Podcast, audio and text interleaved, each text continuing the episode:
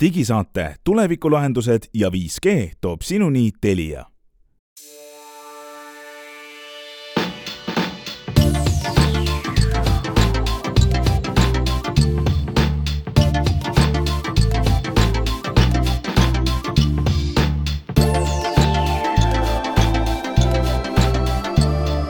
Tere, head kuulajad, kolmeteistkümnenda juuni nimetud digisaade on teiega ja nimelised inimesed on teiega selles saates Henrik Roonemaa, Hans Lõugas ja meiega on koos Glen Pilvre. räägime sellest, et Apple'ist on saanud nüüd järelmaksufirma ja äh, väga palju muid tegevusharusid, sellepärast et võtame kokku kõik suured uudised, mis tulid eelmise nädala Apple'i suurelt arendajate konverentsilt seoses äh, iOS-iga, macOS-iga, uute MacBook idega ja võib-olla isegi Apple'i uuest autost nägime kildu. mis veel, veel teemaks on, kindlasti räägime sellest, et Euroopa Liit on lõpuks pannud nüüd võimsalt jala maha meie mobiililaadijate osas ja lõpetame saates väikse sissevaatega elektriliste kaherattaliste maailma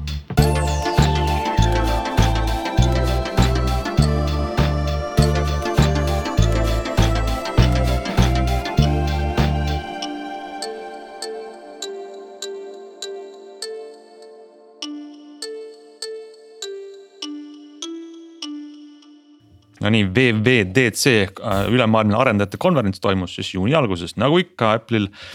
ja ports uudiseid tuli sealt, äh, mida me võiks nüüd üheskoos läbi hakkida, et mis sellest on olulist ja mis mitte. ma, ma siis Hans, kui sa juba nii julgelt seal äh, nii. esined julgelt pead tõsta, et siis ma kohe lajataks sulle tagasi selle, et mis siis kõige olulisem ja. uudis oli sinu arvates? Vot, vot see on kaval, kaval. aga ma siis vastan sulle, ma arvan, et mõõdame olulisust selle järgi, mis mõjutab kõige rohkemaid inimesi ja kõige rohkemaid inimesi mõjutab uus iOS kindlasti, sellepärast et seal lihtsalt on. iPhone on nii palju maailmas ja kõik inimesed kasutavad seda ja. ja mis on siis äh, iOS kuusteist, mida, mis ei ole veel kasutatav, et te, teie head iPhone'i kasutajad praegu veel seda ei, ei saa, kui te ei ole just arendajaks registreerinud ennast aga see sügisel peaks tulema meie kõigi telefonidesse ja uutesse iPhone idesse. ehk võib-olla siis vaataks, mida seal on nagu huvitavat ja ma tegin saate alguses sellise, üritasin kalambuuritseda, et Apple'ist on saanud järelmaksufirma. aga see oli väga huvitav nüanss, mis nad ütlesid, et siis Apple Pay, mis on mobiilne makselahendus, on nüüd saab uues opsüsteemis ehm, sellise muudatuse, mille nimi on Apple Pay Later maksa hiljem. ehk sõnastuses mõttes kui sul on vaja teha mingi makse Apple Pay'ga, olgu see siis füüsilises maailmas, ma sain aru, kui sa oled näiteks kuskil leti ees, maksad midagi või internetist, mõnest äpist. siis sul on võimalik teha see makse lihtsalt juppideks ja maksta mitmes osas. ja see on vist neljas osas, automaatselt läheb see summa, olgu ta siis näiteks viiskümmend eurot või sada eurot või, või rohkem saad neljasse osasse jagada intressivabalt. ja, ja kuidas see kõik seal taga toimub, see on nagu finantsmaagia, on ju, aga mm, väga nutikas ja, ja selline Apple'i mastaabiga võte, mis mulle tundub nagu mm, paneb kohe küsima väga paljude teiste igasugu miljonite teiste järelmaksuteenuste osas. et kas need üldse on vaja ja, ja kui Apple platvormina seda teeb, kas see on üldse õige, kas nad tohiks seda teha? Ja, muide on ka küsimus see, et kas see on moraalne, see alati suurfirmade puhul on küsimus see, et järelmaks võib olla inimestele teate hukatuslik tarbimisharjumuste osas, et, et võib-olla ei peaks sellist asja üldse soodustama nagu järelmaks igatahes Apple Pay Later väga huvitav eh, innovatsioon. kas on meil alust arvata, et see üldse jõuab ka Eestisse või, sellepärast et ma saan aru, et seal see järelmaksuteenuse pakkuja on Apple ise, eks vist. mitte, mitte Goldman Sachs või mingi USA pank, noh ehk eh, mingi loogika järgi ta võiks nagu siia jõuda. teistpidi see tuleb kõik USA, tuleks USA jurisdiktsioonist välja ma ma ei ole spetsiaalselt uurinud, aga ma kuidagi oma peas laht-, lahterdasin selle mingiks eriti USA teemaks, kus sul on kõik need krediidi, noh, igal tavainimesel on ka, eks ole, oma see krediidireiting, mingid agentuurid panevad seda kokku ja see on nii teistmoodi maailm, et ma. sul võib olla õigus, aga ma mõtlesin, kuna just Apple ise on see teenusepakkuja, pluss Apple Pay juba on eurotsoonis väga laialdaselt levinud, siis siis ei tea, aga äh, sul on õigus, et, et see esimesest päevast alates vist ei tohiks Eestis olla saadaval aga selles iOS-is on veel asju. ja, ja seal on ju tegelikult vaata, sa võtsid nüüd äh, sealt, äh, ütleme, kui seda kasutaja nagu kasutajateekonda vaadata, et siis äh, sina leidsid selle kõige viimase asja, et seal on menüü, menüü, menüü, menüüs on ju. siis äh, ma tõstaks lauale kõige esimese asja, mis on see, et äh, sa telefonile isegi ei pea lukust lahti tegema, lihtsalt vaatad telefonile otsa, et siis lukuekraan või see lock screen või siis nii-öelda, mitte siis koduekraan, kus sul need kõik äpid reas on, vaid just see lukuekraan, mis näitab sulle teavitusi ja kellaaegu. see sai nüüd siis väga-väga suured uuendused, või õigemini siis saab, sest eks see iOS tuleb sügisel välja mm,. esimest korda sa saad siis mu muuta, võib-olla see on üldse umbes esimest korda kõigis Apple'i toodetes, sa saad muuta millegi väljanägemist. Nad lubavad sul fonti näiteks muuta seal selle kellaaja fonti, sa saad seda teha suuremaks ja ja siis äh, igasugu interaktiivsed vidinad sa saad sinna tegelikult äh, lukuekraanile juurde lisada, et ta näitab sul noh, mis iganes on ju ilma või samme või, või mida, mida nagu äpid võimaldavad et see on kihvt ja, ja mis on veel huvitav uuendus, et, et teavitused, mis kogu aeg on ju, me teame, et nad tulevad sealt ülevalt, noh, kukuvad nagu su koduekraanile, eks ole, siis nüüd nad hakkavad tulema alt. Et nad siis nagu vupsavad alt välja nagu seened. Ja mõte on selles, et, et Apple on oma piiritus tarkuses jõudnud järeldusele või arusaamale, et inimestele ei meeldi, kui need teavitused katavad kinni nende taustapilte sest nad panevad mm -hmm. tihtipeale oma, ma ei tea, pere või lapse, naise, koera, ma ei tea, mis iganes, parima sõbra pildi sinna ja siis neil on jube kurb meel, kui kui kellegi teavitus äh, tema näo kinni katab, et nüüd siis need teavitused hakkavad ilmuma all, et, et sellest peamiselt mulle tundus selle iOS-i kõige suuremad uuendused olidki seotud selle lukuekraaniga, mis on iseenesest veider, ma ei saa täpselt sellest ka aru, palju inimesed seda lukuekraani siis nagu vahivad või minul on harjumus, kuna see on näotuvastusega see avamine, et noh, ma võtan telefoni kätte ja lükkan lükkan pöidlaga alt lahti ja ma seda lukuekraani peaaegu kunagi ei vahigi, aga, aga ju siis, ju siis ma olen erandlik äh, tarbija. no kui võib-olla sa nii? ja ma tahan öelda, võib-olla seal oli nagu näha, et see on inspiratsiooni saanud Apple'i kella pealt, kus sul on väikseid selliseid äh, igapäevaseid asju, mida sa võib-olla vaatad ja sa ei pea selleks telefoni avama ja kui need jõuavad sinna lukuekraanile, siis on mõte, et sa vaatad ja sa ei avagi telefoni, olgu see siis ilmateade, kas sul on lugemata sõnumeid või. Või midagi taolist, on ju, aga, aga eks me näe, kuidas see välja kukub. no kui siin jutuks tuligi ekraani vaatamine, siis muidugi üks featuur, mida ma siit nagu oluliste osas välja loen, on siis see passkey'de või kuidas me seda nimetame siis sisse logimine ilma, ilma salasõnata ehk mida peaks siis ka toetama uus iOS niimoodi, et ta teeb sinu näost ja sinu, sinu puudutusest siis sellise unikaalse võtme, mille abil sind tuvastatakse siis veebisaidil ilma paroolita. Ehk et põhimõtteliselt on see ju sama asi, millest on siin ka jutuks olnud Microsofti ja Google'i kontekstis. jah, just, et see võibki nüüd siis äh, näha, võime siis nagu näha, kuidas see reaalsuses välja kukub, kui ja iOS selle käima paneb sügisel. just, et see ikkagi noh, ma ei tea, kas nüüd just üllatus on, aga see tundub kuidagi, et, et seni on see nagu jutuks olnud ja kas Apple teeb selle siis tõesti niimoodi lupsti kohe ära, et. no see võimalus on jah. ja muide selle natukene sellega kõik seotud on see, et üks päev või ma olen siin pikalt kiitnud äh, iPhone'i kasutajana Swedbanki äppi, kuhu on võimalik sisse logida näotuvastusega noh, kui ma teen näiteks mingeid makseid või tänapäeval mm -hmm. minu meelest isegi kaks üheksakümmend üheksa kuskil veebiteenuses nõuab mingit pagana äh, autentimist nagu läbi panga, jõle tüütu on. aga, aga Swedbank võimaldab siis mul teha seda telefonist läbi näotuvastuse ja nüüd just paar päeva tagasi ma sain äh, äpi uuenduse, et ka LHV-le on siis iPhone'is tekkinud äh, biomeetria ehk näotuvastus külge. ilmselt ka sõrmejälje tuvastus, kui selle kohta ma ei oska öelda, mul nii vana iPhone'i ei ole aga lihtsalt olgu ära märgitud, et nüüd on siis Eestis kaks panka, kes, kes näoga võimaldavad ka makseid, makseid teha kõike. no ja lisaks on siis näha ka, et kuhu, kuhu poole liigub tehisintellekt, et nüüd võimaldab Apple'i äh, uus iOS siis äh, sikutada piltidest välja, välja asju, inimesi ja loomi niimoodi, et taust jääb maha, et. Äh, no jah, see oli kihvt asi, ma vaatan, see, seesama pilditöötlustiim on oma tööd hästi teinud, eelmine aasta tegid selle, et sa said foto pealt äh, valida siis äh, ja. teksti kopeerida ja nüüd on sama asi ka videotesse jõudnud. ja, ja, ja, ja võtad ja... auto taustast välja või, või koera. mis, mis, mis iganes jah, et, et, et kui hästi see muidugi äh, toimib, aga, aga teistpidi noh, see on võib-olla, kuidas ma ütleks, see on selles mõttes selline võib-olla hea näide selles osas, kuhu selline ülemäärane arvutusvõimsus tegelikult võiks nagu liikuda, et sellest tõesti nagu on. kas siis kasu või on see lihtsalt äge või kihvt, et, et, et kui sul tõesti seal mingisugune närv, närvimootor või neural engine teeb mingeid miljardeid operatsioone sekundis, et kuhu see arvutusvõimsus jõuab, et, et see on, on see koht, et tõesti tuleb, tullakse sulle appi selles osas, kus sa varem siis joonistasid, ma ei tea, Photoshopis mingisuguseid lassosid ümber koera nina, eks ole, et. et nüüd ja. teeb seda ära Photoshop sinu ajalugu.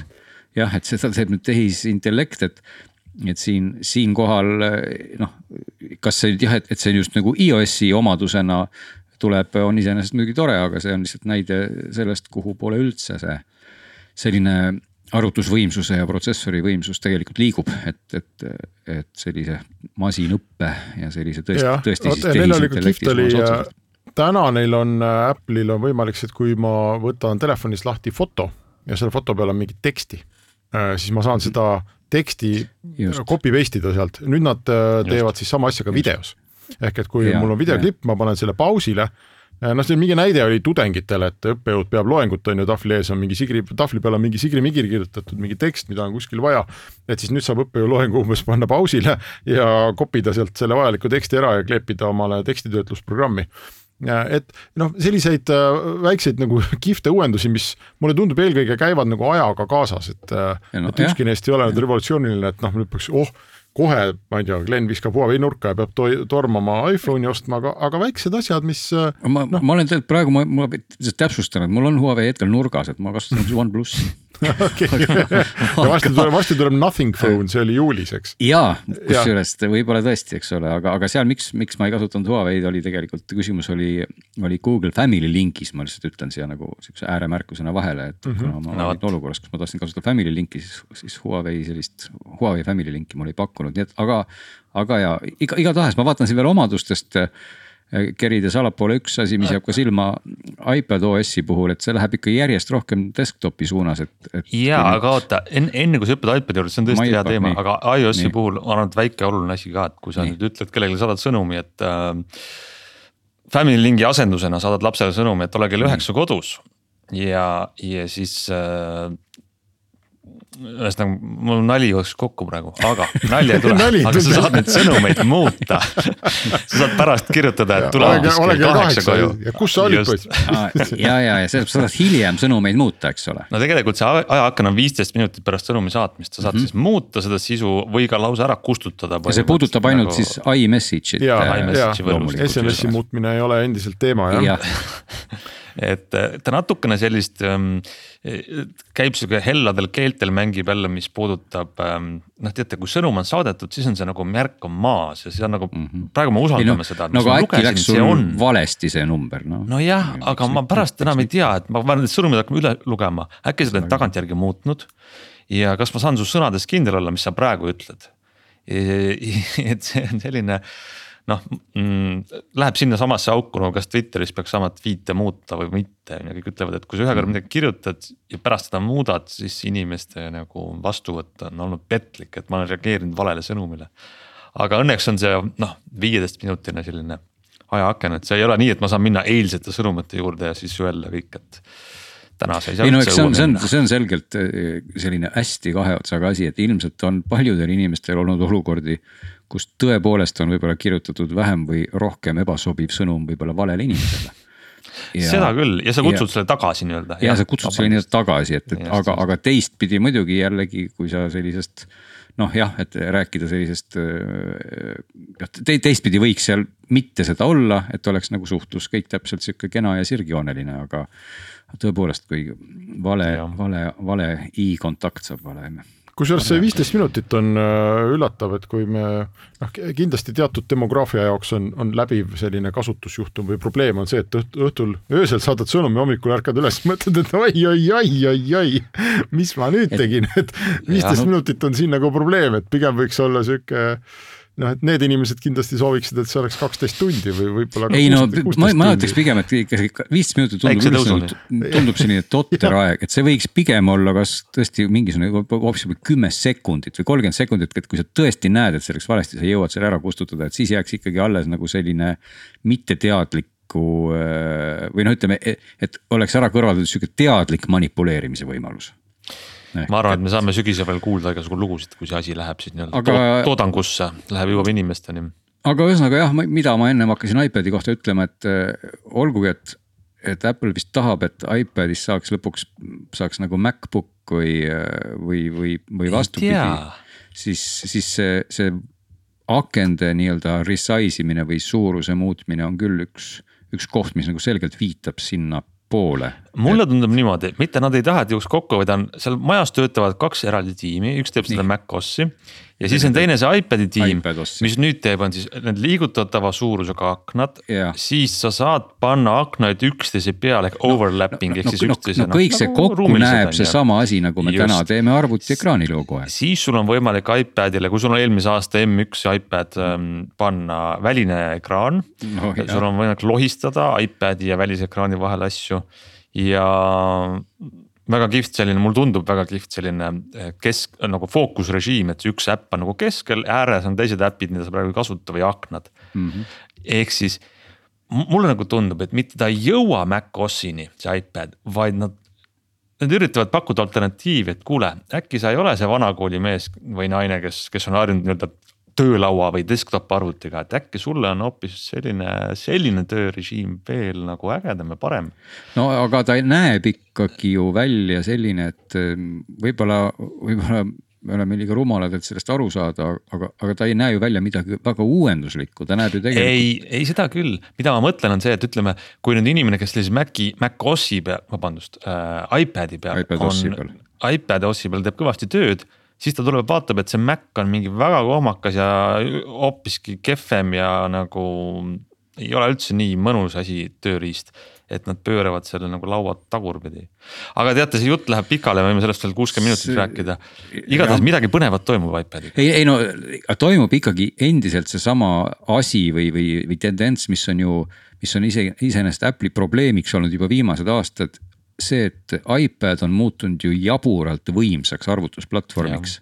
ja, ja see, milleks ta algselt loodi, justkui vaatan natukene veebi, sirvin siia-sinna, panen mõne video käima. selleks on ju protsessori võimetus, võimekused muutunud absurdselt suureks. ehk pigem on nagu küsimus see, et kuidas sa õigustad seda, et, et sul on tahvel, mis tegelikult teeb piltlikult tuule alla enamik, enamikele arvutitele, aga kus ei ole nagu sellist töökeskkonna võimekust, nagu on arvutitel ja, ja siis ongi see Õige. koht, et, et noh, me tahame nagu lõpuks siis selle teha siis nagu arvutiks ja nüüd siis muudkui vaikselt teeme seda nagu arvutiks, et mingil hetkel on lihtsalt tõesti küsimus, et kui ma saan iPad'i peal töötadagi niimoodi juba noh, nagu ma siis töötan arvutiga ja see mulle sobib. siis, siis, siis ongi järgmine, järgmine koht küsimuseks on see, et mis neil siis üldse vahet on, et võib-olla mingisugusel hetkel siis muutubki kõik selliseks, et MacBooki ekraan on justkui nagu iPad ja, ja klaver, klaviatuur on seal justkui nagu küljes või et. et, et need, need asjad nagu omamoodi lähevad mingitel paralleelsetel teedel, mida üritatakse nüüd natukene veel lähemale siis. aga nad ikkagi on eraldi Nad on ikkagi eraldi. aga tead, Henriku algupärast. et seal Apple'is on ikkagi segadus selle üle. No ma olen siin äh, luge-, ma lugesin läbi hiljuti mai keskel või mai alguses istu-, ilmus raamat After Steve, mis on äh, ühe USA ajakirjaniku poolt kirjutatud päris paks klots või sel-, sellest, kuidas siis Apple on pärast Steve Jobsi surma, noh, mis, mis seal toimus, eks ole, kes seda firmat juhtis, mis, mis otsuseid tehti, kelle käes võim oli ja ta väga palju keskendus, peamiselt see raamat keskenduski selle Johnny Ive'i kui peadisaineri ja Tim Cooki kui pea, peanumbri lugeja, numbriväänaja nagu vahelisele noh, isegi mitte konfliktile, aga ütleme väga erinevatele vaadetele sellest, et mis on tähtis, eks. et kas looming on tähtis või numbrid on tähtis või kuhu seda tasakaalu nagu panna. aga sealt raamatust tuli ikkagi väga paljude toodete puhul väga paljude mineviku otsuste puhul välja, et eh, kui vähe ka ikkagi inimesed Apple'is teadsid ja andsid aru või, või said, olid kindlad selles, mida nad teevad. meie siin vaatame, et oh, tuli midagi välja, et eh, noh, küllap nad on seda miljon korda testinud ja väga kindla peale minek. tegelikult ei olnud niimoodi väga paljude toodete puhul. ja mulle tundub see iPadi segadus praegu täpselt selline, et noh, raha ta teenib, on ju, Tim Cookil on hea meel, et see iPad on olemas, aga ma arvan, et nad ise seal firmas vaatavad täpselt, esitavad ja. täpselt samu küsimusi nagu meie siin, et aga mis neil vahet on siis sellel Apple'il ja iPadil ja keegi ei saagi aru, mis neil vahet on, eks, ja, ja kuhu see iPad minema peaks või kuhu see MacBook minema peaks, et see, see, ma arvan, on ka nende aga, enda jaoks väga huvitav küsimus. aga siin lõpetades selle pika jutu veel, veel filosoofilisema tähelepanekuga ära, me oleme sellest tegelikult ennem ka rääkinud, et, et ikkagi suures plaanis ma ei julgeks väita, et peale Steve Jobsi Apple'il selliseid pöördelisi uuendusi ei ole tegelikult toimunud no kell. protsessorid on läinud kiiremaks no, ja oot, on läinud no, M-seeria, need kogu Apple Silicon ja kell on ei, kaks asja. ei, seda küll ja, aga ma, ma, mida ma tahaks nagu öelda, on see, et, et sellist nagu uut kategooriat mingisuguses valdkonnas ei ole sellise jõulisusega saabunud, nagu oli iPad või nagu oli iPhone, eks. ja ega ei olegi, aga ega kellelgi ja, ja, ei ole no jaa, aga, aga see on nagu see koht, mida võib-olla võiks, noh, ma nagu tahaks võib-olla seda nagu oodata, et me kogu aeg nagu näeme, et, et me justkui teeme piltlikult öeldes autol järjest mootorit võimsamaks, teeme istmeid pehmemaks, aga ikkagi ta on auto, ta on ikkagi mm -hmm. täpselt samasugune toode nagu, et, et, et, et selleks, et midagi nüüd nagu väga nii-öelda uut, uudset teha, peaks olema nagu tõesti sõna otseses mõttes midagi uudset ja, ja see on see koht, mida noh, kui meie, meie seda teeksime, siis me ei räägiks siin juttu, vaid juba oleksime Apple'is ja teeks seda, et see on koht, mida enamik inimesi ei kujuta ette, et nad tahaksid ennem kui nad näevad seda ja siis nad saavad aru, et nad tahavad seda.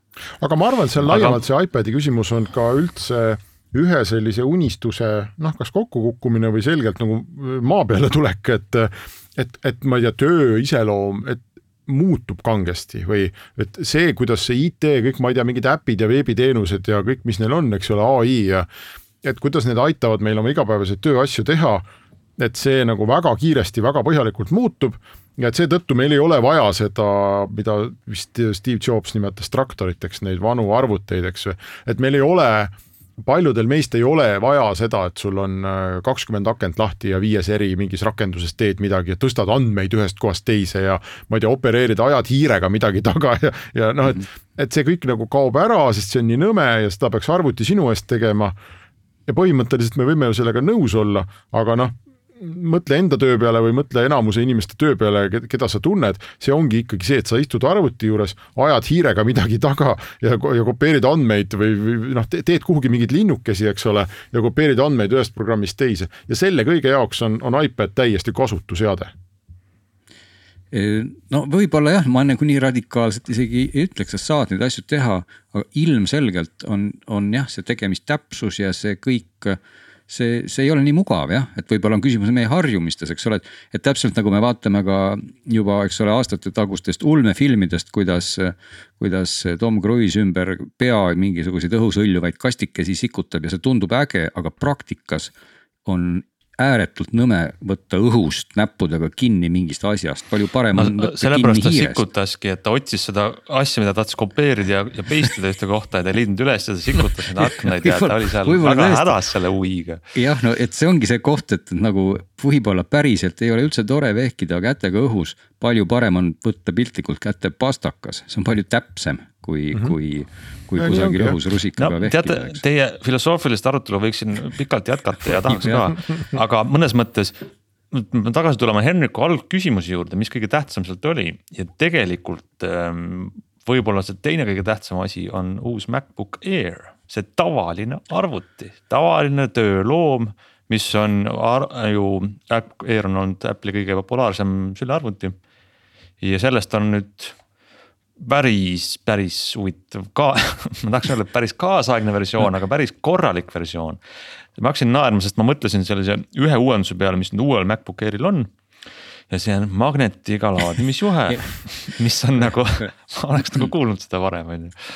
Tead see kõik see, ma ei, ma ei tahaks üldse, ma ei tahaks nagu vahele segada, aga, aga see uus MacBook tõestab nagu järjekordselt seda, et me panime jälle autosse võimsama mootori ja me tuleme jälle sellesama autoga, no okei okay,, panime selle. aga inimesed ostavad seda autot, nad tahavad seda autot. no tõepoolest, selles, selles ma nagu ei kahtle, et nad seda ostavad, aga, aga endiselt on väga palju inimesi, kes võib-olla ostsid selle M1 protsessoriga MacBooki ja kui ma nüüd mõtlen, kas mul on täna vaja osta see uus, siis ilmselt ei ole see enam väga, väga veenev, et see, see, see põhjus ei ole mitte selles, et M2 oleks halb arvuti, vastupidi, see ongi väga kiire, see on veel kiirem arvuti, ta on veel ilusam mõnes mõttes ja, ja kõik need jutud. aga, aga küsimus on selles, kas on, kas see on midagi, mida mul on nagu tõesti vaja et kui ma läheks täna ostma uut arvutit, siis ilmselgelt ma ostaks selle, aga kui mul juba on olemas väga hea arvuti eelmisest aastast, siis kas see piltlikult öeldes võimsam mootor on? ei, ei seda mitte jah, ma arvan, et see, mis siis on uuel MacBook Airil no, M2 protsessor on ju Just. ja mis, mis on see..., mis on eelmisest siis umbes nagu Apple õige, ütleb äh, kusagil poolteist korda vähemalt võimekam või rohkem, kui me paneme sinna juurde siis äh, suuremad mälud ja, ja kiiremad. kõik, mis on Just. kiirem ja, ja loomulikult on ta, et, et mitte öelda kümneid, aga ikkagi kordades kiirem loomulikult, kui olid need Inteliga arvutid, nii et noh, selles mõttes see hüpe jõudluses on ikkagi metsik jah, et M1-st on tegelikult oli ju neli versiooni, M1 ja. oli see esimene, siis tulid Pro, Max ja Ultra. ja mm. ma mhm. tegelikult ei saa aru, kuhu see M2 täpselt platseerub selle varasema trepiastmestiku peal, ta on kindlasti M2 on siis sellest tava M1-st on ju kõvasti jõudsam no ta ei olnud aga... väga kõvasti, ma sain aru, et see, jah, see olenes millega võrrelda no,. kakskümmend, kakskümmend ja rohkem protsenti, protsessoris oli, protsessori jõudluses oli ta, oli ta äh, vähem.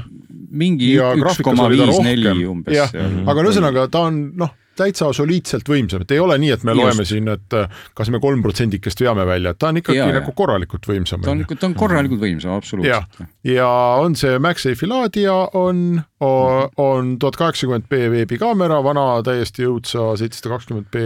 veidi suurem ekraan, eks ole. natukene suurem ekraan, siis üleval on see kulm tal nüüd, eks ekraan on nagu kõrgemaks tehtud ja ametlikuks mõõduks on kolm, kolmteist koma kuus tolli, neli kõlarit on varasema kahe asemel, arvuti kõige selle juures on õhem ja kergem. Ja õhem on ja. ta ähm, ma, ma ei tea, ma isegi ei suuda praegu uskuda, kui ma neid numbreid vaatasin, et kas ta tõesti on vana, varase ühe koma kuue sentimeetri asemel üks koma kolmteist või, et kas nad suutsid ta nii palju nagu õhemaks saada et noh, see, see juba nagu kipub katki minema võib-olla käes. aga ja, ja viiskümmend grammi kergem on ju ja paar-kolmsada eurot kallim, et me vaatame ja siin praegu. mälu mahub siis sisse nüüd kakskümmend neli. kakskümmend neli ja, ja varasem oli kuusteist, aga, aga ja. hetkel näiteks Soome Apple'i saidil on eurohinnad on ainult välja antud äh, kaheksa gigabaiti kakssada viiskümmend kuus SSD ja kaheksa gigabaiti viissada kaksteist SSD kohta Äh, ja need on siis vastavalt tuhat viissada viiskümmend üheksa ja tuhat üheksasada üheksa eurot ja kuueteist gigase mudeli äh, hinda üldse ei olegi. Äh, nii et ma, ma siia ja siit ma vaatan, et see tuleb kindlasti reipalt üle kahe tuhande euro, kui sa tahad, ütleme seal kuusteist giga, viissada kaksteist giga MacBook Airi ja, ja ka see on ikkagi väga tugevalt juba mitte enam, mitte enam ka selle kolmeteist tollise Pro, millest me rääkima hakkame, vaid vaikselt juba selle nagu päris Pro nagu hinnaterritooriumi, et mind väga huvitab, kuhu nad selle, kuhu no, nad selle hinna siis panevad. selle arvuti võimekus on ka, noh, see ongi seesama koht jälle, ega juba M1-ga MacBook Air oli kohati noh, seal võikski küsida, et miks ma peaks ostma Pro, eks ole, kui kui ma saan tegelikult. jah, aga noh, kuigi ma ütlen, et video ekspordis näiteks ta ikkagi. ta oli natuke nä. näitab oma sellist noh, et kui mm -hmm. ma, mul on siin äh, mõne aasta taguse AMD protsessoriga lauaarvuti ja mitte nagu tipp-tipp protsessor, vaid pigem selline keskmik. et see Algorütmi saatevideot ekspordib seal veerand tundi äh, ja siis minu MacBook Air teeb seda pool tundi, eks, et noh, seal oli ikkagi selge, ma ei tea, palju M, mul, mul on M1 MacBook Air, et äh, ja, ja ma arvan, et MacBook Pro oleks seda teinud ma ei ole mõõtnud, aga ma eeldan, et veerand. seal on ka muidugi küsimus, küsimus on detailides, et millega sa ekspordid ja millega sa teed videod ja mis on. ja, ja, ja just jah. tekib mingi mustmiljon asja, et. Et, aga, aga, aga üldse, aga mis, mida ma tahtsin öelda, et äh, ma juba vaatasin Twitteris, keegi kirjutas, et see on kindlasti minu unistuste arvuti ja no ma olen sellest nii palju jahvatanud siin, et on jah, et ma olen seda ju oodanud tegelikult mitu aastat. Ähm, ja nüüd ma ei osta seda ja ma ei osta, väga mitu põhjust on, miks ma olen otsustanud, et ma ei osta. esiteks ta äh, tuli siis ühe uue värviga, muidu on ta ikka see mingisugune kuldne ja hõbedane ja siis see space gray äh, aga on siis äh, kesköövärv, ma ei tea, midnight midagi oli selle värvi nimi, mis on hästi-hästi-hästi-hästi tumesinine. Ähm, ja see on hirmus sõrmejäljemagnet Äh, et ma nii palju, kui ma netist videoid vaatasin, siis äh, kõikide, kõikidel esitlustel see arvuti nägi lihtsalt välja nagu oleks tõesti mingi McDonaldsi äh, kliendipäev olnud seal kuskil, et noh, rasvaste näppudega friikatest, rasvaste näppudega inimesed käisid mööda. et tohutu sõrmejälje magnet ja mis oli huvitav, on selline kuulus tehnoloogia Youtuber nagu Marques Brownlee ja tema kasutab mingisuguseid Redi 8K kaameraid, väga häid kaameraid oma selle video ülesvõtmiseks. Ja tema näitas äh, seda tumesinist või kesköösinist MacBook Airi ja siis, kui ta seda näitas, siis USB portide ümbert, see oli see Apple'i enda nagu noh, demomudel, ma eeldan, mitte, mitte isegi, mis sellele Marquesile kätte anti, vaid seal äh, Apple'i üritusel vist, ühesõnaga seal USB portide ümbert oli, oli näha, et see sinine värv oli maha kulunud. ja no palju ta siis sai olla, paar tundi vana või, või no ütleme, loetud tunnid, eks ole, oli keegi seal midagi teinud. Ehm, ja ma vaatan ka täna näiteks, kuidas minu MacBook Airi ekraaniservadelt on, on see, mul on see tumehall on näha, kui ma lähedalt vaatan, et see värv on sealt maha kulunud, noh, kui ma lükkan teda seljakotti, eks ilmselt need servad käivad nagu kuhugi vastu ja see kate on piisavalt õrn, et ta sealt servadelt kulub maha. aga need on niisugused kaks väikest põhjust, miks ma ei osta seda okay, sinist, aga, aga miks okay, ma üldse ei osta, on, on nüüd paar päeva tagasi välja tulnud jutud, et Apple tegelikult valmistab ette veel kahte MacBook Airi. ja üks nendest on kaheteisttolline, mis peaks ilmuma kaks tuhat kakskümmend kolm lõpus või isegi kakskümmend neli, aga teine nendest on viieteisttolline, mis väidetavalt peaks ilmuma juba nüüd kevadel. noh, eks see nüüd kevadel tähendab siis põhimõtteliselt noh, kolmveerand aasta pärast, eks ole. aga, aga ma arvan, et viieteisttolline MacBook Air oleks minu nagu päris unistuste arvuti.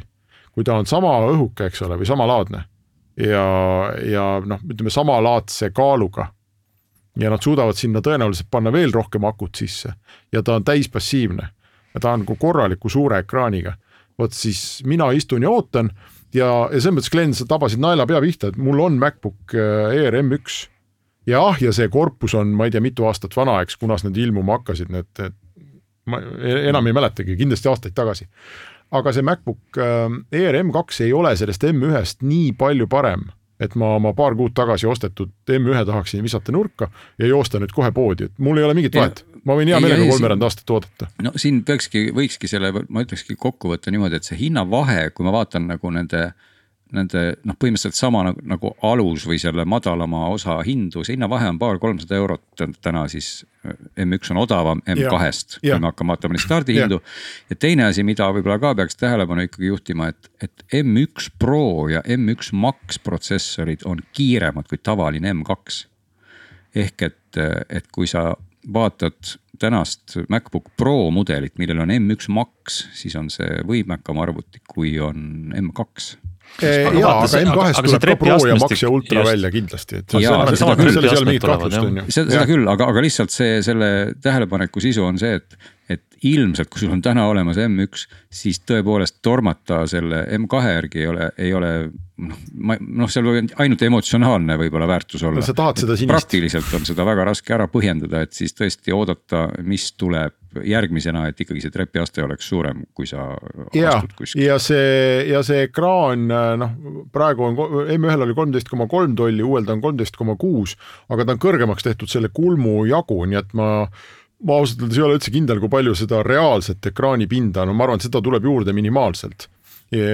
et, et see ka nagu ei ole argument, aga noh, ma, ma arvan, et ega ta ei olegi võib-olla suunatud inimestele, kes kolm kuud tagasi ostsid M1 MacBook Airi, eks, et ta on suunatud inimestele, kes võib-olla on kahe tuhande viieteistkümnenda aasta MacBook Airi peal ja, ja, ja, ja küllap tuleb, tuleb ka see minu mudel siis ükskord äkki välja, et. ei no tõenäoliselt, ega see on, käib igasuguse toote toodete eh, kronoloogia juurdeesitlustes, et palju on siis tõesti neid ostjaid, kes iga aastal vahetavad välja oma MacBooki ja, ja, ja iPad'i või mida iganes, et. et enamik inimesi kahjuks või, või, või õnneks inimeste vaatest ja kahjuks Apple'i vaatest seda ei tee. et, et kui seadmed peavad väga hästi vastu ja on ilusad ja sinu, sinu jaoks piisavad, siis miks sa peaks ostma kogu aeg uue, eks. aga, aga no nii palju see Tim Cooki Apple on siiski ikkagi ette ennustatav, et ma küll julgen lubada kõigile kuulajatele ja iseendale, et see on nüüd see MacBook Air, mis on järgmise, noh, ma ei tea, kümnekonna aasta nagu, võib-olla kümnekonna mitte, aga neli-viis-kuus aastat kindlasti on, on see, on see MacBook Airi välimus. ja võib-olla nad saavad seal mängida värvidega. ma, ma ei tea, et kui, kuidas see tootmistehnoloogia täpselt on, eks, et see on ju alumiiniumkorpus ja et kas seda on võimalik teha oranži või kollast või noh, kuidas, kui keeruline see on, on ju, et aga, aga, aga noh, harjume ära nüüd sellega, et see on see MacBook Air, et et kui, kui see ei meeldi sulle, siis sa ei saa järgmised aastad üldse, üldse Airi osta, aga vana Air jääb müügile Apple ametlikult ja. müüb seda edasi, eks ole, ja müüb äh, USA-s oli see siis alla no,, alla tuhande dollarilise hinnaga. no vana on siis M1, eks ole. jah, ja sellel arvutil ei ole mitte midagi häda. et kui sa lähed poodi ja sa näed neid kahte kõrvuti ja sa nagu veeretad taskus oma seda kolmesadat äh, eurot või neljasadat äkki isegi, kui me räägime kõrgematest mälu, suurematest mälumahtudest. et sa vaatad sellele rahale otsa ja mõtled, et kas ma noh, mis ma teen siis mitte midagi sinu elus ei lähe valesti, kui sa ostad äh, selle M1 MacBook Airi M2 asemel. ja, ja täitsa sisetunde küsimus. valesti võibki minna see, vaata, et inimestel on alati selline omadus, et ostes sulle meeldib säästa ja raha kokku hoida ja siis sulle tundub, et oi kui äge see on, aga läheb mööda kolm päeva ja mm. siis sa mõtled, et ai, ai, ai, näed, et ma ikka, kas tõesti nüüd mul ei olnud seda kahtesadat eurot ja siis sa aasta aega krigistad hambaid. aga kui see valik on, siis tuleb äh, ühesõnaga, kui sa kui sul on see selline paari-kolmesaja euro kulutamise valik, siis igal juhul tuleb osta kuueteist gigase mäluga M1 kui et kaheksa gigase mäluga M2. ja see on. see, see teene ei ole hea. tee endale küll, kui sa ostma lähed. see on õige tähendab, et mälusid tasub kunagi hoida kokku, absoluutselt, et kui sa vähegi selle arvutiga midagi teed, eks ole, või siis juba pane siis veel kaks-kolmsada juurde ja osta siis juba kuueteist gigane M2 jah, mida täna ei ole isegi hinnakirjas, on ju, nii et ja, räägime ka no, sellest, et nad üldse noh, juba USA-s hakkavad alles äh, juulis millalgi ship ima ja need äh, tähtajad võivad seal jumal teab kuhu venida nädalate või kuude pikkuseks, nii et mõnes mõttes see jutt, mis me siin praegu räägime, osta ei osta, noh lõpuks ostad seda, mis seal poes on ja võib vabalt olla, et kogu sellele Covidi jama, Covidi jamaga seot-, seonduvalt me ei näe neid arvuteid siin eriti suures hulgas Eestis kuude kaupa no üldse tundub meile, et meile, meie pika jutu praktiline väärtus läheneb nullile see on väga, me lihtsalt oleme väga mitteentusiastlikud, et me kõik tunnistame, et see on hea arvuti, aga aga. jah, ühtki, ühtki nagu head tarbijanõuannet ka ei tulnud põhimõtteliselt osta, vaid seda nii palju, kui sul on raha ja, ja kui üldse on aga, midagi osta. aga, aga võib-olla me võime ühe sellise tarbijanõuande anda, et tuli ka uus M2 protsessoriga MacBook Pro, mis tundub mm -hmm. kallis ja üldse. keegi ei saa aru, miks see arvuti olemas on. jaa no ühesõnaga. ehk siis ähm, jah. ta on väga marginaalselt äh, mõnes asjas parem kui see uus M2 MacBook Air. ja mõnes asjas väga konkreetselt kehvem, no millest ta parem on, natukene on jõudlust rohkem, tänu millele on tal sees ventilaatorid, ta hakkab undama. ja ähm, aku kestvus on kaks tundi pikem, mis, mis võib tunduda pikk aeg, aga tegelikult see on nagu kaheksateist versus kakskümmend tundi, et see kaheksateist tundi on ka juba väga hea, mis. sellel arvutil on touch bar. Touch bar on ja, ja. F-klahvide asemel on touch bar. just ja kehv veebikaamera, see vana seitsmesaja kahekümnene ja sellel ei ole seda uut magnetiga laadijajuhet. ja see on see vana MacBook Pro mis, äh, mis nüüd sai siis M2 protsessori, täp-, eriti keegi ei saa aru, et miks Apple seda toodet elus hoiab. aga kõige parem pakkumine, mis ma olen näinud, on see, et, et ettevõtete IT-osakonnad mm, ostavad seda, ehk et on kuskil mingid suured korporatsioonid, kes on selle mudeli, selle kolmeteist tollise Pro ehk siis selle vana mm. Pro mudeli lasknud kõigist oma bürokraatia mingitest aparaatidest läbi, eks ole. IT-osakond on heaks kiitnud ja ma ei tea, mis mingi noh, koolitusosakond on heaks kiitnud ja mingid sisekorradokumendid on tehtud ja mingid ettevõtte spetsiifilised PDF-id ja mingid juhendid ja siseveebis on mingi värk selle kohta ja ühesõnaga, et see arvuti on söönud ennast sisse korporatiivmaailma ja seetõttu Apple peab seda elus hoidma, et, et mingid korporatsioonid ostavad seda. ja see on, ma arvan, päris hea pakkumine, et äkki see ongi niimoodi tänapäeval ühtegi, ühtegi meie kuulajat ei oska nagu ette isegi kujutada, kellele öelda, et jaa, et see on, see on see, see on see sinu arvuti, et mine osta see. ma ei tea täpselt no,, kes, kes see võiks just, olla. see, see tõesti ei ole seda, ei tundu ja. kuidagi seda raha väärt. jaa, oota, kas meil on nüüd midagi veel seal? no Apple'i ja laadijate teema ongi muidugi ka vist korraks õhus. kas me uuest no, Mac OS-ist laadijate... rääkisime või ei rääkinud või? Mac OS-is on ka paar uuendust. Mac OS Ventura tuleb siis jah, aga tõesti, seal on kosmeetilised uuendused ja ja, ja libiseme, aga, aga mainime korraks ära seda autolahendust, Apple CarPlay. Seal oligi väga vahva sihukene Apple'lik äh, teavitus, näidati videot, kuidas uus Apple CarPlay mitte ei toimi ainult sellel keskmisel naviseadmel, mis on arvuti keskkond, auto keskkonsoolis. vaid võib üle võtta ka kõik äh, muud ekraanid, alates siis noh rooli taga olev ähm, näidikute plokk ja, ja ulatub katma siis kogu, kogu kõiki ekraane mis tähendab, et sa saad näiteks muuta vastavalt siis mingit teemat, äh, kuidas öelda, visuaalset kujundust nendel näidikutel, olgu siis number või seier või midagi sellist. ja, ja see kõik muidugi ei ole veel olemas, et see tuleb siis esimestele ühilduvatele autodele järgmise aasta lõpus. Mis tekitab suure küsimuse, et milline autotootja on valmis loobuma no kogu oma sellisest signatuur visuaalist seal ähm, rooli taga, et andma selle kõik üle Apple'ile. Ja, ja selle tõttu on nagu noh, mõnes mõttes on see ju võib-olla selline mm, fantaasia ähm, lend jällegi sinnani, et milline, millisena Apple kujutab ette enda toodetavat autot, mis, mis mingisuguses visandi astmes kuskil on praegu kavandamisel aga, aga võib-olla, võib-olla juhtubki nii, et järgmiseks aastaks nad leiavad endale partnerid, kes siis on äh, auto, ma ei tea äh,, Euroopast või Aasiast või isegi Ameerikast mõne, mõne tootja, kes lubab, lubab kõik oma ekraanid Apple'il üle võtta, ehk siis Apple CarPlay oleks selline kõikehõlmav kogemus seal. no see Aga... ise, iseenesest, see on jälle nii lai teema, millest võiks heietada tunde, et ega autotootjad on kõik ju sellega vähem või rohkem hädas tänapäevaste kasutajaliideste loomisega et kõik nad möllavad nagu natukene omas maailmas, nad proovivad kopeerida seda puutetundlikku liidest, siis on seal, eks ole. Apple CarPlay'd, Android autod, mis, mis siis tõmbavad sinna nagu oma liidese peale.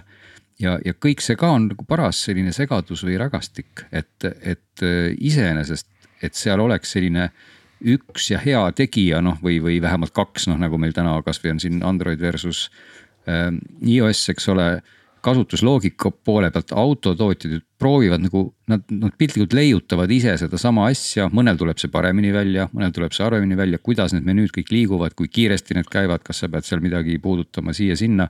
et kui sa vaatad ju täna erinevaid uusi autosid, on need lahendused. Nad on nagu kohati sarnased, kohati konarlikud, mõnel töötab väga halvasti või halvemini, teisel töötab paremini.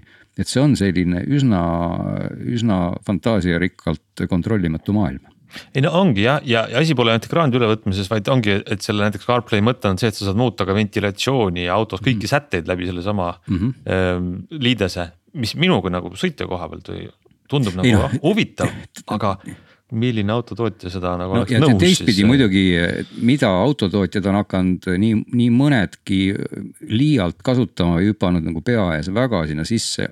on just nimelt üleminek sellisele puute puute kasutajaliidesele, olgu see no, siis ekraani peal, olgu see siis nuppude asemel kuskil rooli peal mingid pinnad. et, et see on sama, samamoodi nagu Apple oma arvutitele tõi tagasi vana hea laadija piltlikult öeldes.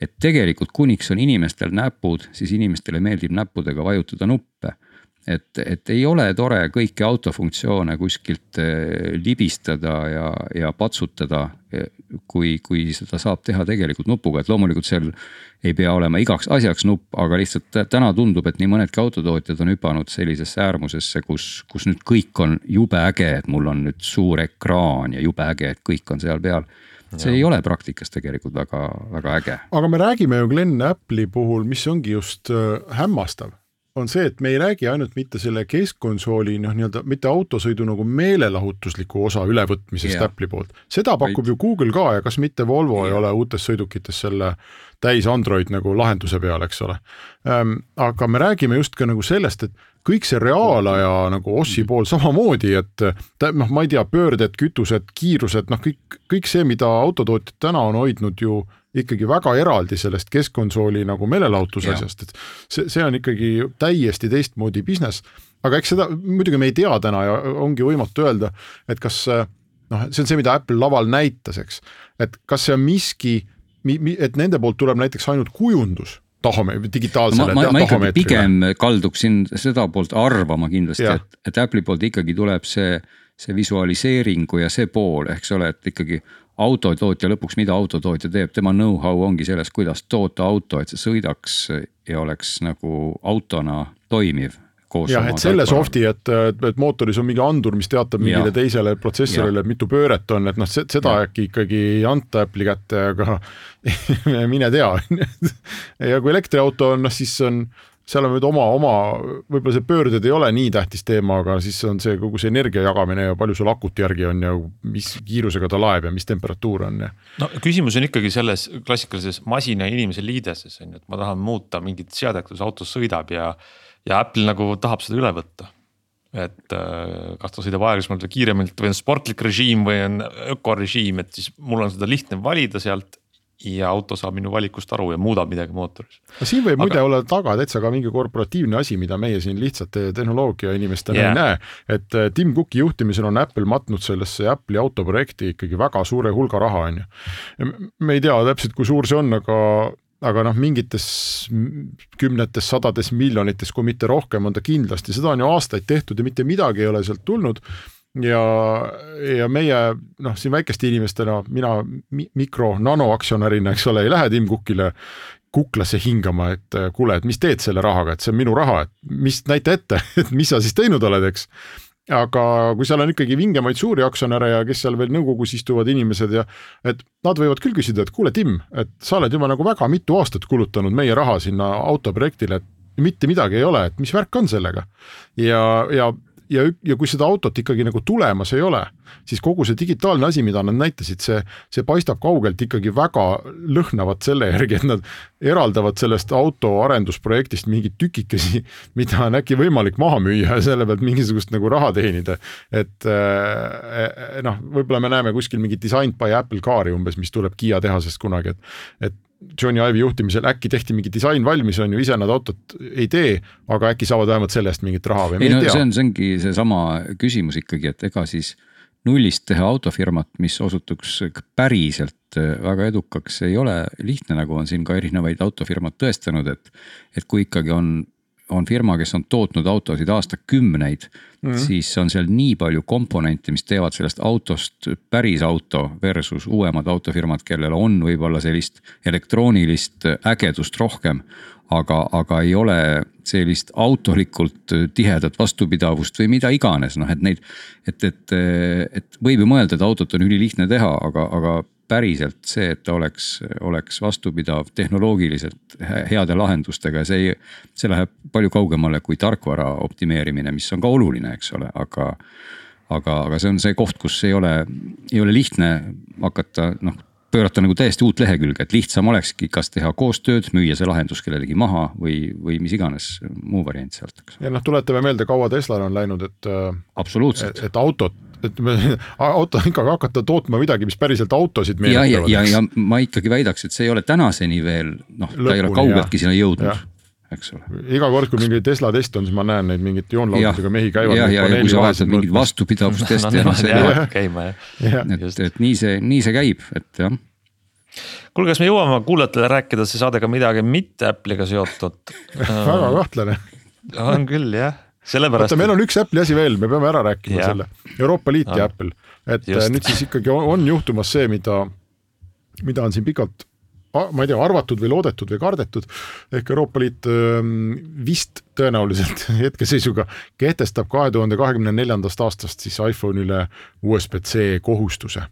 Ehk äh, nüüd, kui äh, sügis kätte jõuab, siis peaks veel Euroopa Parlament ja oli, oli veel mis, miskisugune Euroopa asutus, mis peaksid selle heaks kiitma, aga põhimõtteliselt tundub, et Euroopa Liit on otsustanud, et Lightning on out ja telefonid laevad USB-C-ga, kui need Euroopa Liidus müüakse ja see seaduse sõnastus on siis selline, et see dongle ei lähe läbi, see asi ikkagi peab, see auk peab olema telefoni küljes ja Euroopa Liit siis arvab, et äh, sellega, ainuüksi selle nõudega nad hoiavad või me kõik siis hoiame kokku üksteist tuhat tonni ähm, äh, e-jäätmeid ehk siis põhimõtteliselt kaableid ja mingeid laadijaid, seinalaadijaid. ja, ja kliendid säästavad Euroopa Liidus kakssada viiskümmend miljonit eurot igal aastal äh,, sest nad ei pea ostma ebavajalikke mingisuguseid laadijaid ja kaableid. nii et meie kõigi hüvanguks ja muide, ma põhimõtteliselt olen nõus Ja... kuigi sellel mündil on ka teine pool ja küsimus on selles, et jah, Lightning ei ole maailma kõige kihvtim ühendus, aga USB-C ka ei ole, eks, ja kui nüüd Euroopa Liit ütleb, et laetakse USB-C-ga, punkt, siis väga raske on kellelgi tuua välja paremat Just. asja. et kas seadusega saab ette kirjutada, et äh, kõiki asju peab tegema ainult sellise tehnoloogiaga või mitte jah, kuigi tarbijana oleme, olen ju hea meel, kui ei pea küsima, kas sul on sada tähendab, laadijat siin, siin on ka nii, niivõrd kaks poolt, üks pool on see, et Apple tegelikult kasutab ka USB-C-d ju väga hea meelega kõikides oma teistes seadmetes. ja ilmselt oleks ilmselt oleks ta niikuinii üle läinud äh, Light- Lightningu, iPhone'il ka Jah. Lightningult USB-C-le. ja, ja üldse jääb küsimuseks selle, et, et miks on see põhjus, miks ta just nimelt täna siis telefonides ainult on see jäänud no iPadides juba aga enam kuule, aga mõtle, mõtle, ma korraks mõtle, võtad Apple Watchi ja sa ei tohi seda enam laadida juhtmevabalt, sul on seal peal olema suur USB-C pesa. ei, oot, oot, oot, ei oot-oot, ei nii ei ole. ei, ei, ei, ei Apple Watchid ja igasugused sellised asjad. no ma saan aru jah, see on kell, seal, seal on see nii, aga ütleme, kui sa tahaksid teha sellise seadme, kuhu see USB-C seade pesa ei sobi. ei, seal oli terve hulk välistusi, seal, seal vist ei ole ja. Nagu äh, seda probleemi, küsimus on, et kui keegi tahab teha noh, ja, ja, ja isegi kui tuleb USB-D, eks ole, kunagi välja, et noh, siis see on nii suur konsortsium, kõik maailma tehnoloogiafirmad on seal taga, et USB-D-l või E-l või F-il ei ole Euroopa Liidus probleeme selle turuloa saamisega, aga pigem on jah küsimus, kui mingi väike firma otsustab teha mingi juuksekarva paksuse anduri või selle pistiku, eks ole, mis on maailma kõige geniaalsem asi ja, aga need on väiksed ja neid on No, vähe ja noh, Te, teistpidi ei näe mina siin küll öö, mingisugust öö, väga suurt kokkuhoidu, kui kõik öö, miljonid tarbijad, kellel on täna Lightningi juhe selle prügikasti viskavad, et, et minu arust neid jäätmeid tekib kohe hoopis palju rohkem. see on ka. vähemaks korraks, korraks aga muide kümme aastat tagasi, kas te mäletate, Euroopa Liit kehtestas äh, telefonide laadimis, laadija standardiks micro USB ja ja mitte midagi halba ei juhtunud. ei no need on, need, need, need standardid ei ole selles mõttes muidugi pahad, kui on igalühel oma laadija otsiks, on see väga peavalurohke. kas sul Aga- Nokia laadijat on? mäletate, kunagi oli see põhiline küsimus. no ei, mul on Ericsson. aga, aga teistpidi, teistpidi tõesti, et kas seda peab nüüd täna olukorras, kus jah, meil on enamik USB-C-d, muide. ma hüppan siia korraks veel ühe näitega lihtsalt vahele, et öö, testisin hiljuti nüüd lõpuks umbes viiteist mikrofoni, millest me loodetavasti ka kunagi räägime, need on siis USB mikrofonid. ja mis te arvate, millega siis ühendatakse, milliste USB kaablitega ühendatakse mikro, siis ma arvan, USB et mik- mikro on enamus. no USB-C, ma olen optimist. ei, mikro. vaat nii, siit teha sellise äh, lugeja-vaataja pean, no küsimuse mis, ütle vastus. ma ütlen, et kõik on esindatud. esindatud ma tähendab kirjutan seda, Euroopa Komisjoni. et see tähendab, et esindatud on mini USB, mini USB muide tead, et on olemas ka selline kahjuks ühendusviis. teame jah. ja, ja, ja see oli vanasti Esin- digikaameratel vist. no näed, ka see on tänast, täna müüdavatel Mhm. uutel mm -hmm. toodetel on ka mini USB küljes, on loomulikult ka mikro? USB küljes ja on ka siis loomulikult USB-C. ma ütleks ka, et selle koha pealt, kus on siis seaduse silmad, et kui te koristate ära seda lightning ut, miks te siis seda mini USB-d ammu ei lase alla vett, eks ole. Ja muide, kui me sellest just räägime, ma vahetult enne saate salvestuse algust panin oma selle koera jälgija laadima. Ja ma pidin järjekordselt otsima üles koera jälgija karbi ja sealt karbist kookima välja selle kahekümne sentimeetri pikkuse koera jälgija USB laadija. Mis ei ole minimikro ega mitte, ega, ega mitte midagi, see on lihtsalt mingi, mingite No prantslaste see... tehtud mingisugune täiesti mingi oma asi. ja ma vihkan seda iga kord, kui ma teda vaatan, sest ma tean, et ta läheb katki ja kaob ära. Ja ma ei saa seda mitte kuskilt või noh, mul on mingi peavalu sellega ja kas ta on kaasas ja see on õudus kuubis no.. no aga, aga see peaks ju ikkagi ometi tõesti niipidi olema, et kui juba ke- keelatakse sõna otseses mõttes ära lightning, siis miks ei keelata tõesti ära mini USB-d või et, et see, see on ju absurdne, et sa, kui, kui juba me hakkame seadusega reguleerima selliseid standardeid, siis peaks ka tõmbama väga selged jooned. Kui kaua siis mingi standard on tegelikult ju elus, et, et miks, miks mini USB on No, parem kui lightning? tead, eks, eks see vist mõju on selles, et neid telefone on nii kohutult palju, uputavad ära kogu maailma, aga, aga neid mikrofone, väliseid mikrofone on siiski veel no ei, no mikrofon oli lihtsalt selline hea aga näide seda ilust- mikrot võib mega ootamatutel äh, seadmetel võib, võib välja ilmuda Täpselt. siiamaani ja see ajab mind see- hullult närvi alati, kui ma seda ajabki ja ilmselt ajab see Jah. hullult rohkem närvi kui lightning, mis tegelikult ikkagi, me oleme lihtsalt harjunud sellega, et iPhone'i küljes on see lightning olemas. ja kõigil on tõenäoliselt noh, kes on iPhone'i omanik, tal ongi lightning kaabel ja ilmselt on tal ka USB-C kaabel, sest tõesti kõik muud asjad töötavad USB-C-ga, aga no päris kindlasti ei ole tal mini USB kaablit et, et noh, loomulikult nendel toodetel on see mini USB kaabel kaasas, aga, aga see on tegelikult absurdne, et me müüme täna toodet, kus on ikka noh aastate, ma ei tea, parandage mind, kui ma eksin, mitte kümnete aastate vanune otsik ja, ja see on no, ikka jah. küljes, sest see on riiuli peal olemas. ma esitan ja... kuulajale väljakutse, minge to, tooge mulle lauale äh, Eestis müüdav normaalse hinnaga mobiilne 4G taskuruuter, mis on USB-C-ga sest see ei ole olemas, on Netgeari mingisugune hirmus kallis mingi Nighthawk mida ma ei tea, kas üldse Eestis müüakse, aga noh, see on, see on ka kümme korda kallim kui see Huawei, aga, aga kõik, kõik poed müüvad seda Huawei valget, seda seebikarpi, on ju mida, mida me siin ühes saates ka juba kirjeldasime.